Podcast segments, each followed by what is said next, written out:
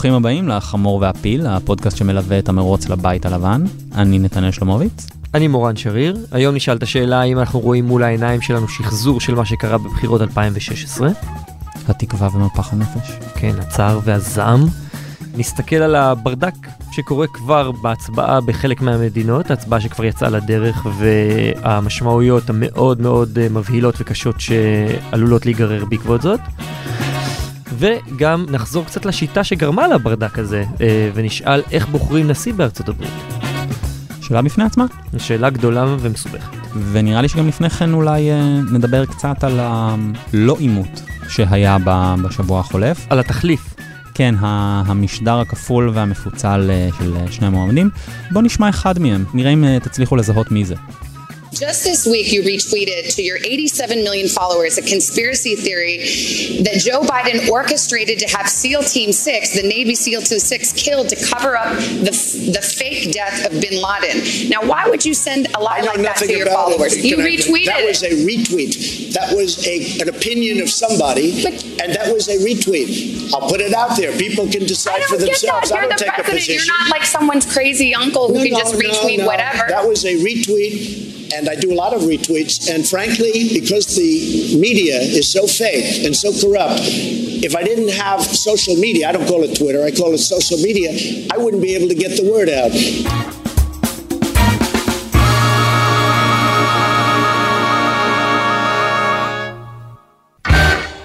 אז אם נעשה פה איזשהו קצ'אפ, היה אמור להיות לנו עימות, עימות שני מתוך שלושה, בסוף mm-hmm. הוא בוטל, כי הציעו שזה יהיה וירטואלי, וטראמפ לא אהב את הקונספט של וירטואלי, לדבריו, בגלל שאפשר להשתיק אותו בזום או בטכנולוגיה הדומה. מה שקרה זה שקיבלנו בסוף סוג של עימות וירטואלי, כלומר, מקביל בלי ששני המועמדים נפגשים. בעצם מה שקרה זה שאחרי שטראמפ ביטל, אז רשת ABC החליטה לעשות טאון הול, שזה אירוע שאמריקאים אוהבים לעשות לפני הבחירות, פשוט מקבלים שאלות מהקהל, לכן הם קוראים לזה טאון הול, ו-NBC החליטו לעשות אותו דבר עם טראמפ בדיוק באותה שעה.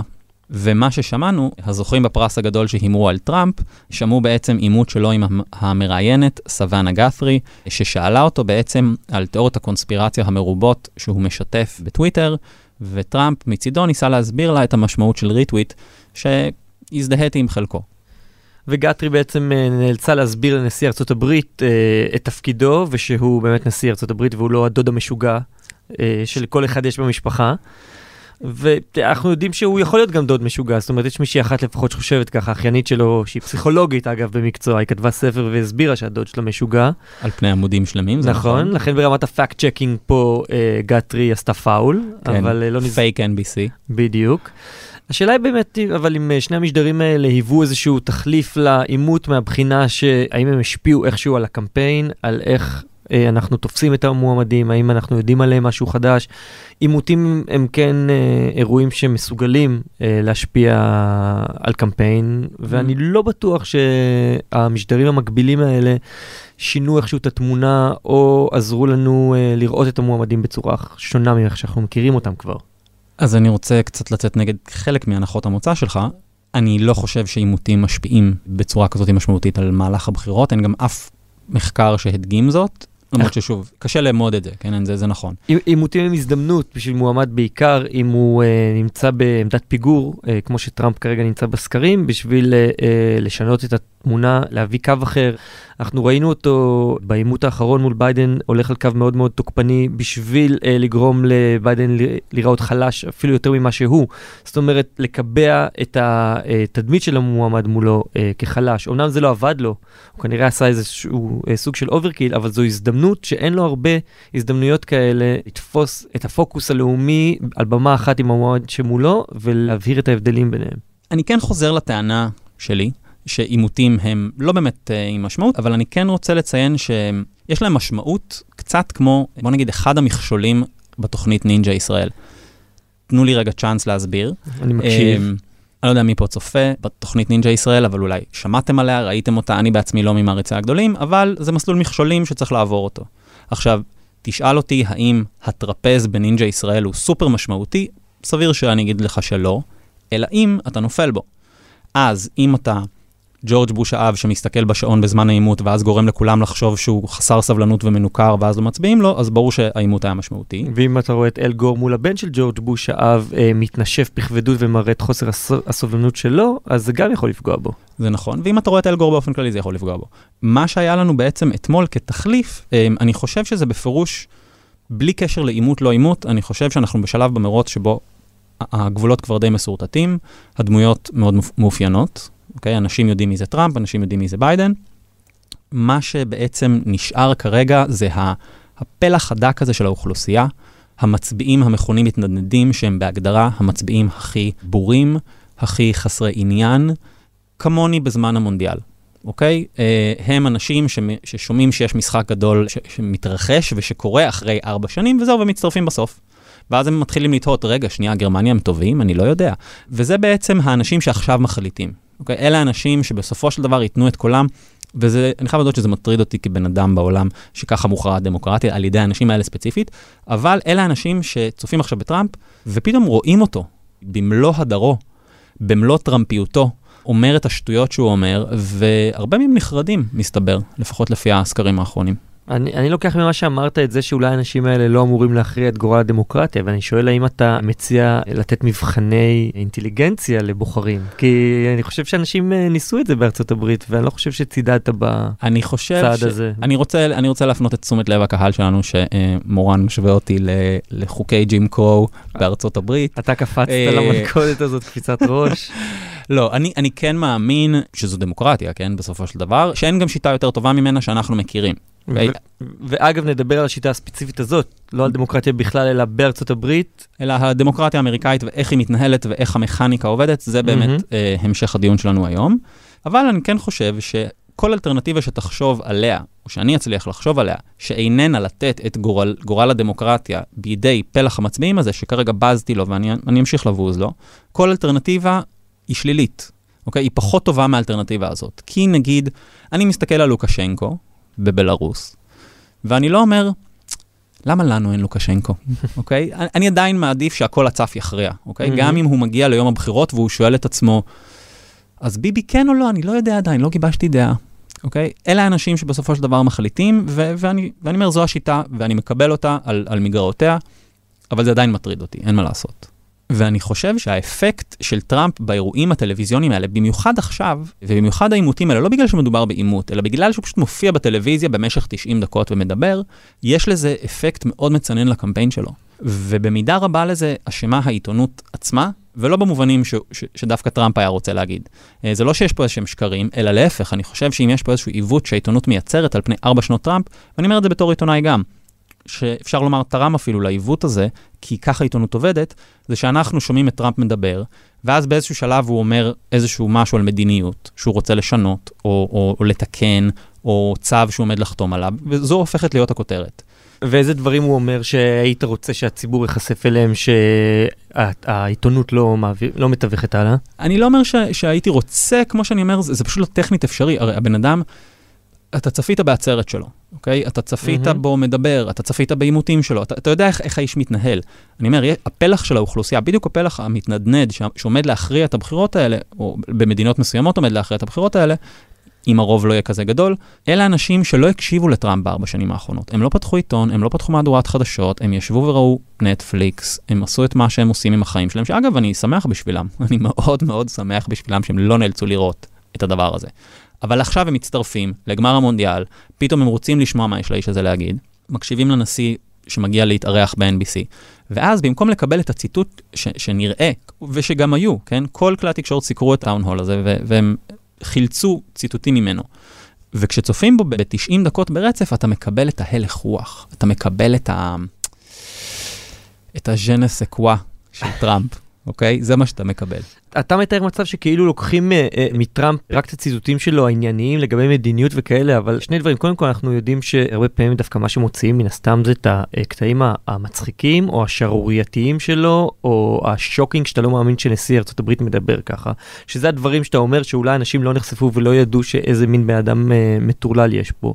חוץ מזה לא לדבר על זה מצב שפוקס ניוז למשל ועוד רשתות חברות מעבירים נאומים שלו במלואן, פשוט uh, ב-2016.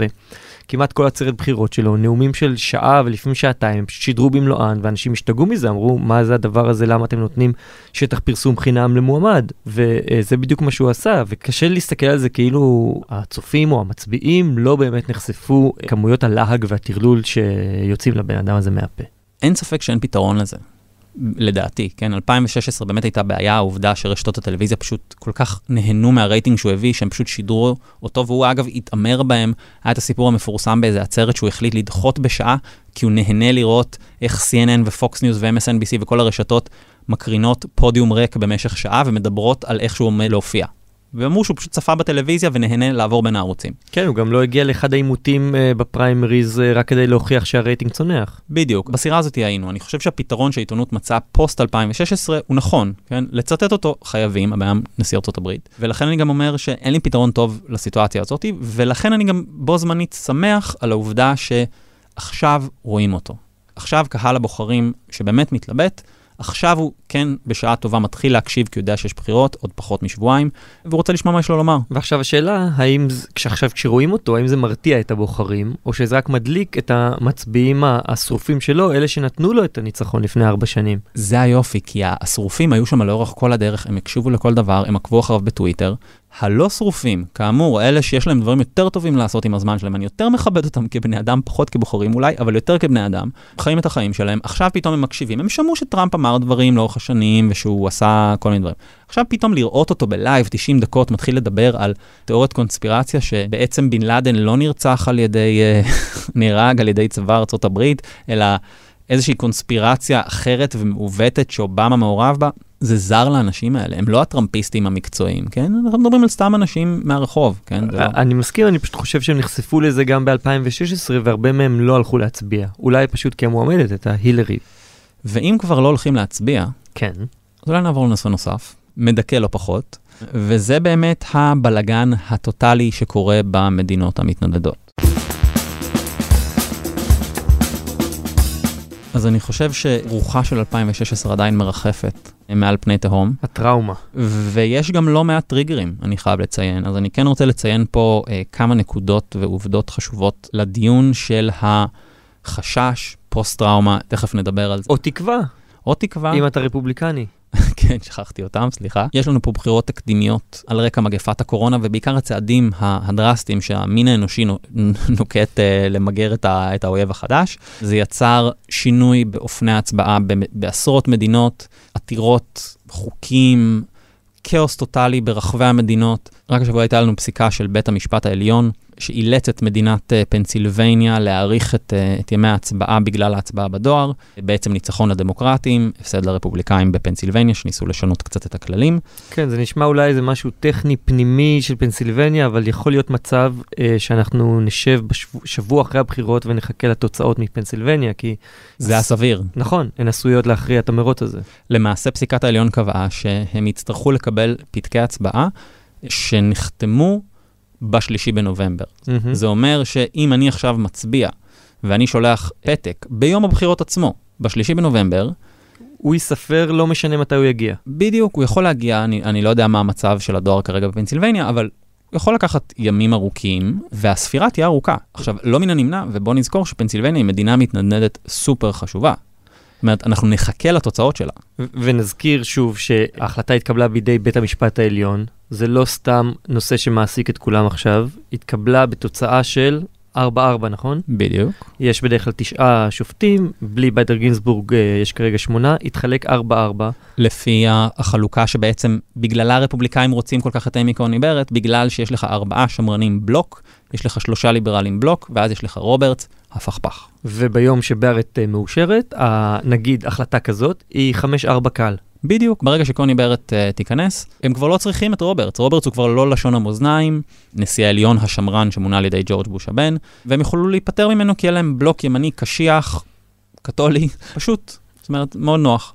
והשאלה האם הדז'ה וו מ-2016, האם אה, המקור שלה הוא באמת איזה תחושה טראומטית, שאנשים עברו ופשוט אה, לעולם לא יהיו חסינים מהפחד שדבר כזה יחזור עד סוף ימיהם, או שבאמת יש סימנים בשטח שמעידים על חזרה בעצם של מה שקרה בבחירות ההם. אני חושב שמה שלי היה טריגר מעניין לחשוב על הדיון הזה, זה שמתי הדיון הזה צץ, אוקיי? ביידן מוביל בסקרים באופן עקבי מאז שהוא רץ. מהמם. זו עובדה. כל הזמן אמרו הסקרים לא, לא, לא מהימנים, הפער לא מספיק גדול. מה שהשתנה פתאום עכשיו, זה שהוא מוביל בפער של 10, 11, 12 אחוזים, משהו כזה, לאומית. לאומי, שאלה המספרים שהילרי הובילה בהם שבועיים לפני הבחירות ב-2016. עכשיו, לי זה מרגיש פוסט-טראומטי, ו- ובאמת דז'ה וו, בגלל שדווקא כי הם הגיעו לפער כל כך גדול, זאת אומרת, ברגע שהם הגדילו את הפער לאחוזים ש- של כמו הילרי ב-2016, אני חושב שביטא את זה בצורה יפה מי שהיה מושל פנסילבניה, כאמור אה, מדינה מאוד חשובה, של פנסילבניה לשעבר, אד רנדל, שהיום הוא דובר של אה, ביידן, בעצם מסתובב ברחבי אה, פנסילבניה בזמן שג'ו מסתתר במרתף, כפי שאתה אוהב לציין. והוא אמר השבוע, ואני מצטט, העניין הוא שאנשים לא מגיבים בצורה לוגית, אלא אמוציונלית, ואמוציונלית זה באמת מאוד דומה למה שהיה לפני ארבע שנים.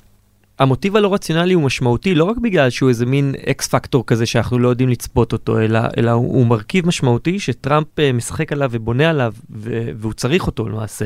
להדליק את האנשים שלו, לא על ידי טיעונים סדורים, אלא פשוט להחדיר בהם התלהבות ושנאה ולהוציא אותם החוצה, כי זה באמת הסיכוי היחיד שלו לנצח, ואנחנו רואים גם ב, באמת בסקרים, שוב, uh, הפער במדינות הוא, הוא קטן משמעותית מהפער הלאומי. הפערים האלה הם uh, מה שחשובים, ואתה יודע, גם ראינו בבחירות ב-2016 את הניצחון שלו, טראמפ הביא בשלושת השבועות האחרונים, זה מה שחלק מהעניין שהסוקרים טעו, הם פספסו סחף מאוד מאוד גדול לקראת הסוף.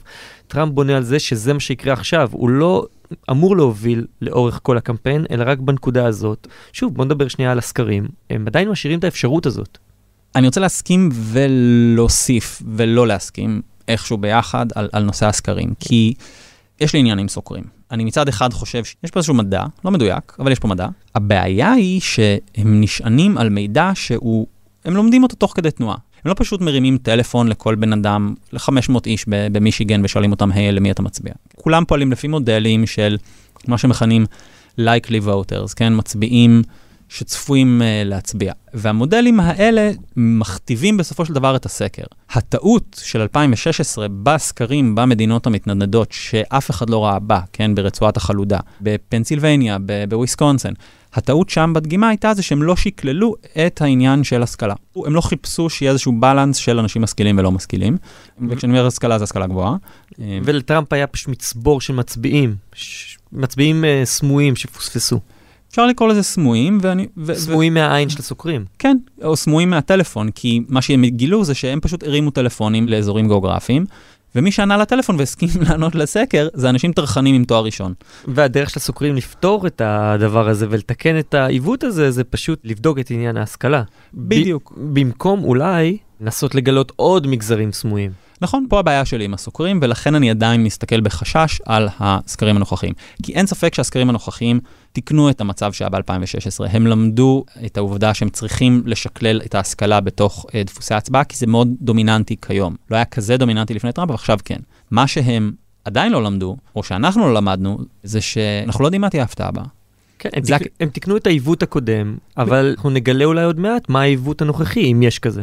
ואת זה אנחנו נגלה באמת בבחירות הקרובות, ואין לי ספק שאנחנו נבלה את הארבע שנים הקרובות בלנסות לדון על מדינות שאפילו לא חזינו אותם שהם יבואו. הרי זה קורה כל מערכת בחירות. באמת, עוד חודש, mm-hmm. לא מן הנמנע שנשב פה ונדבר על, או, ניו מקסיקו. איך לא ראינו את ניו מקסיקו ואת אה, חקלאי הקקטוס שלה, אוקיי? הם הקול הצף המסתבר החשוב ביותר. סביר שלא, אבל אנחנו לא יודעים. אין מי ששואל את זה. עכשיו, הסיבה שכל הדברים האלה חשובים, מובילה אותנו לנושא הבא.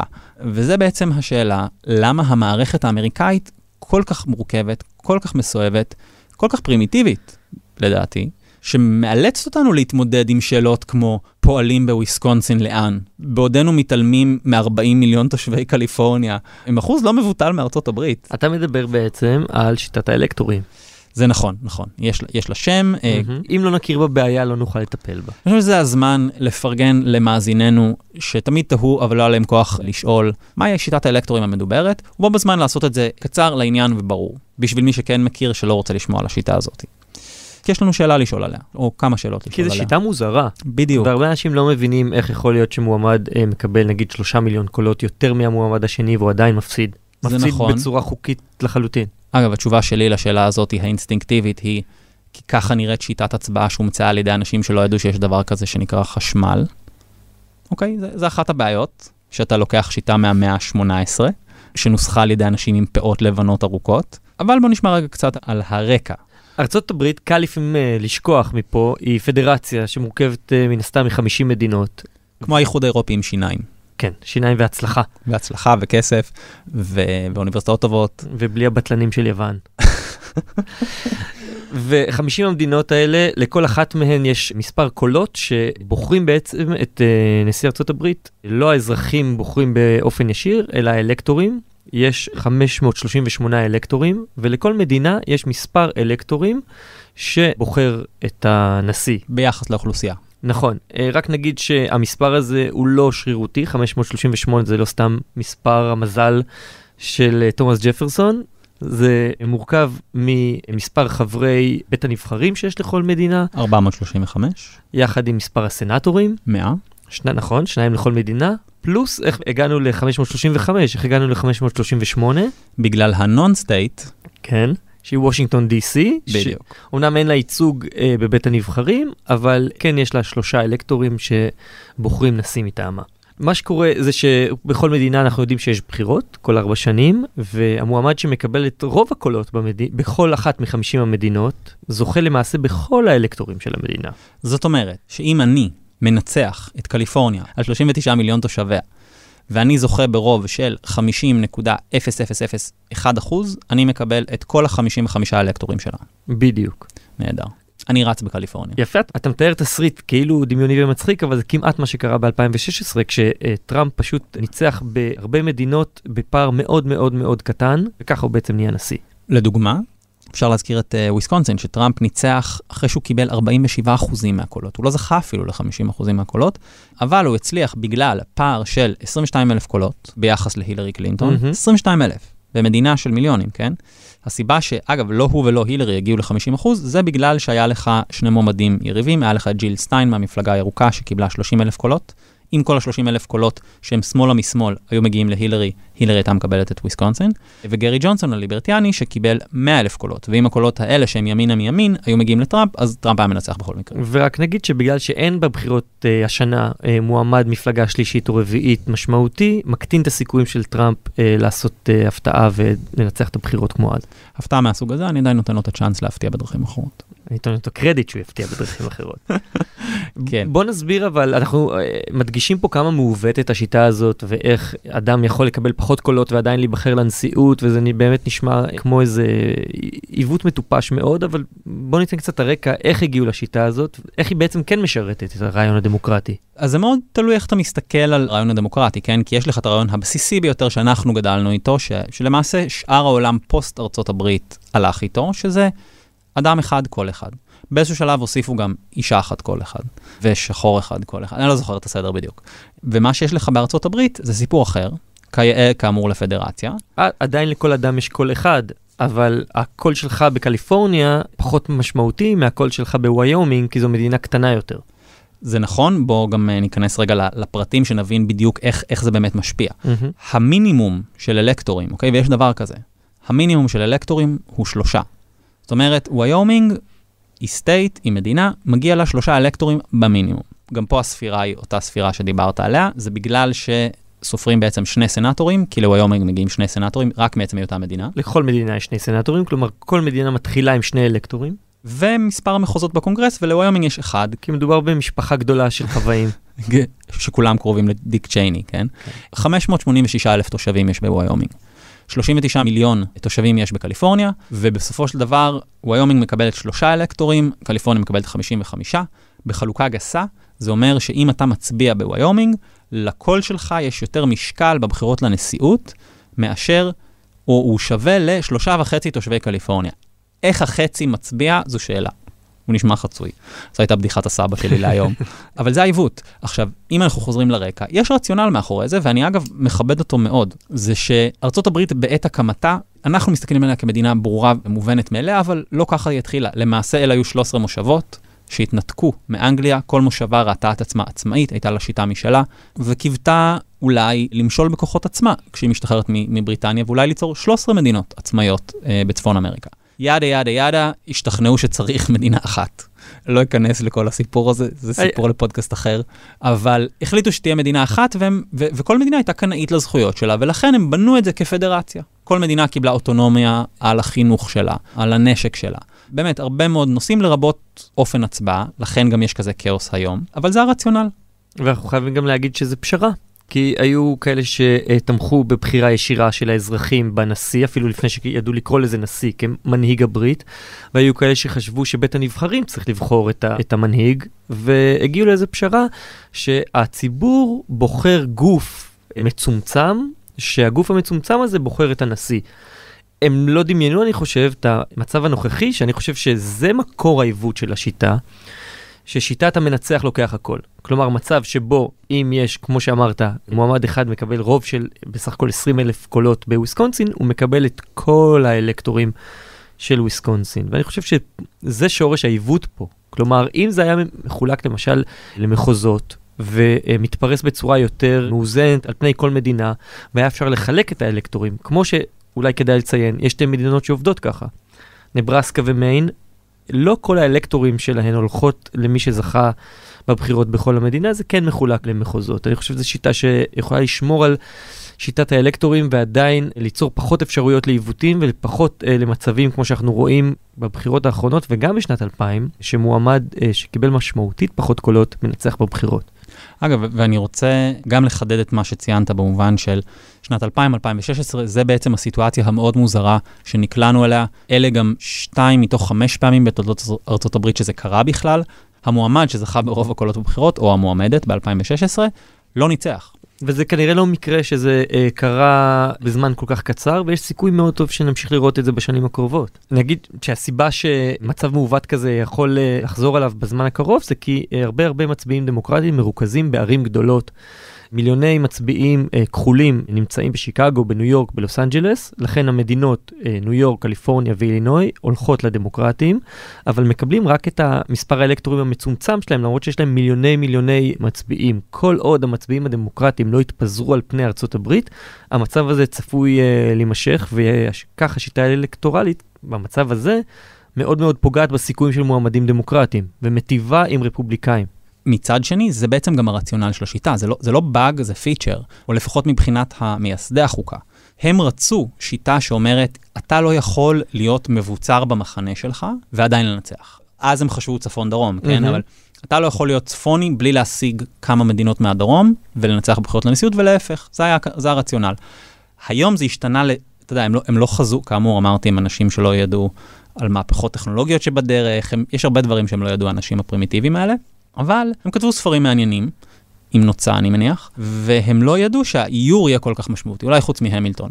הם לא ידעו שהאיור יהיה כל כך משמעותי. איור בעין כמובן. כן.